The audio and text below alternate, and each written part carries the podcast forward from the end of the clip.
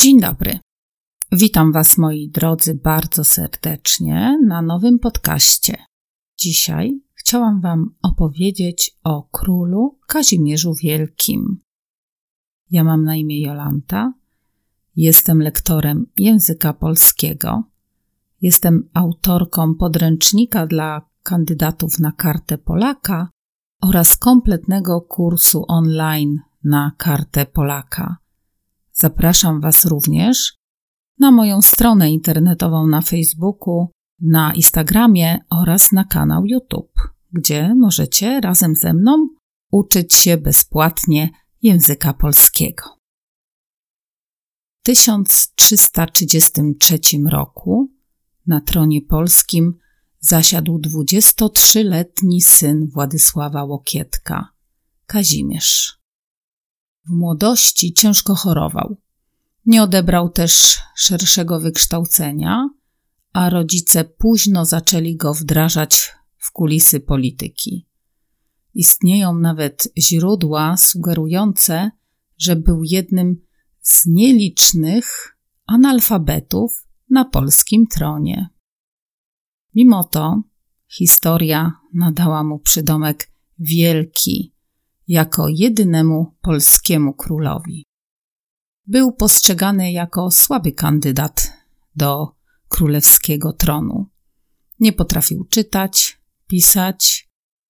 Zarzucono mu ucieczkę z pola bitwy z krzyżakami pod Płowcami w 1331 roku. Do tego jeszcze cieniem na jego honorze położył się skandal, którego był uczestnikiem w 1329 roku. Przebywał wtedy na dworze węgierskim, na którym uwiódł Klarę Zach, córkę węgierskiego magnata Felicjana Zacha. Kazimierzowi w miłosnej intrydze miała pomagać jego siostra Elżbieta, wtedy królowa Węgier. Rzeczywistość okazała się diametralnie jednak odmienna, bo Kazimierz poświęcił całe swoje życie dla utrzymania niezależności swojego królestwa.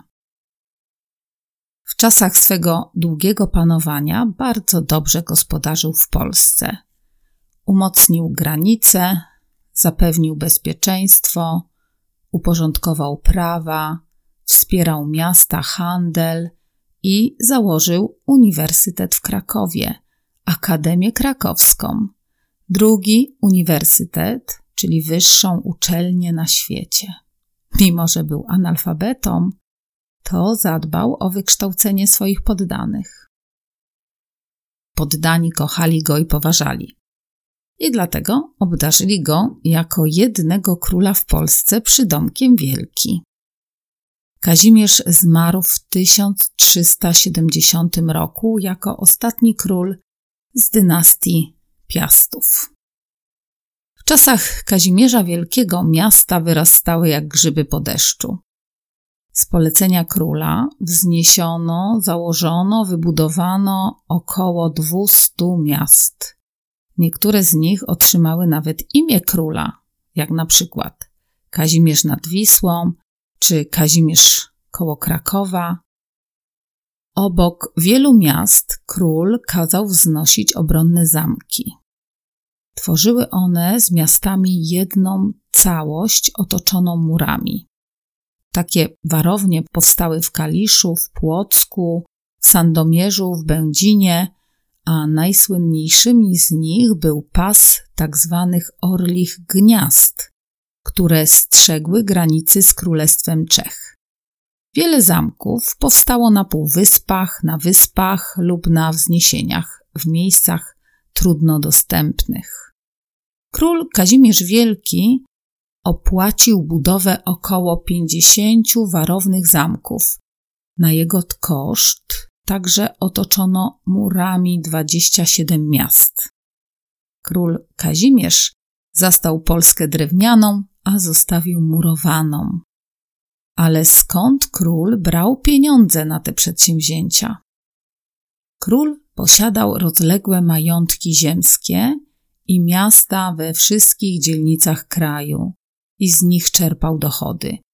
Do skarbca szły podatki pobierane corocznie od właścicieli ziemskich. Bardzo duże zyski dawała też sól. W średniowieczu sól była bardzo poszukiwana i cenna jako popularna przyprawa i jedyny środek zabezpieczający żywność przed zepsuciem. Król posiadał w Wieliczce i w Bochni kopalnie soli i żupy solne, to znaczy przedsiębiorstwa, w których wydobywano i ważono sól w ilości 10 tysięcy ton rocznie. Kazimierz bardzo dbał o dochody z żup w Wieliczce i w Bochni. Żupy solne stale zasilały skarbiec królewski. A czy wiecie, że Wieliczka jest najstarszą i nieprzerwanie działającą do dziś kopalnią w Europie, wpisaną na listę Światowego Dziedzictwa Narodowego UNESCO? Kazimierz Wielki prowadził też jedną monetę, grosz. Była to wtedy moneta o dużej wartości. Za jeden grosz można było kupić gęś, a za kilkanaście groszy miecz. Kazimierz Wielki, mimo czterech małżeństw, nie zostawił męskiego następcy tronu. Zmarł 5 listopada 1370 roku. Tron polski objął jego siostrzeniec, król Węgier, Ludwik Andegaweński. W 1384 roku Jadwiga, córka Ludwika, króla polskiego i węgierskiego, w wieku 11 lat została koronowana w Krakowie na królową Polski. Na męża wybrano dla niej wielkiego księcia Litwy Władysława Jagiełło. Kazimierz Wielki istotnie zasługuje na nadany mu przydomek Wielki, bo za jego rządów Królestwo Polskie rozwijało się gospodarczo. Król doprowadził też do kondyfikacji prawa, do reformy prawa, reformy podatku, do rozwoju miast. W 1364 roku ufundował Uniwersytet Akademię Krakowską. Zastał Polskę drewnianą, a zostawił murowaną. Kazimierz Wielki, ostatni z rodu Piastów. Po nim zaczyna się dynastia Jagielonów. To koniec na dzisiaj. Żegnam Was, moi drodzy, i zapraszam na następne podcasty. Do zobaczenia.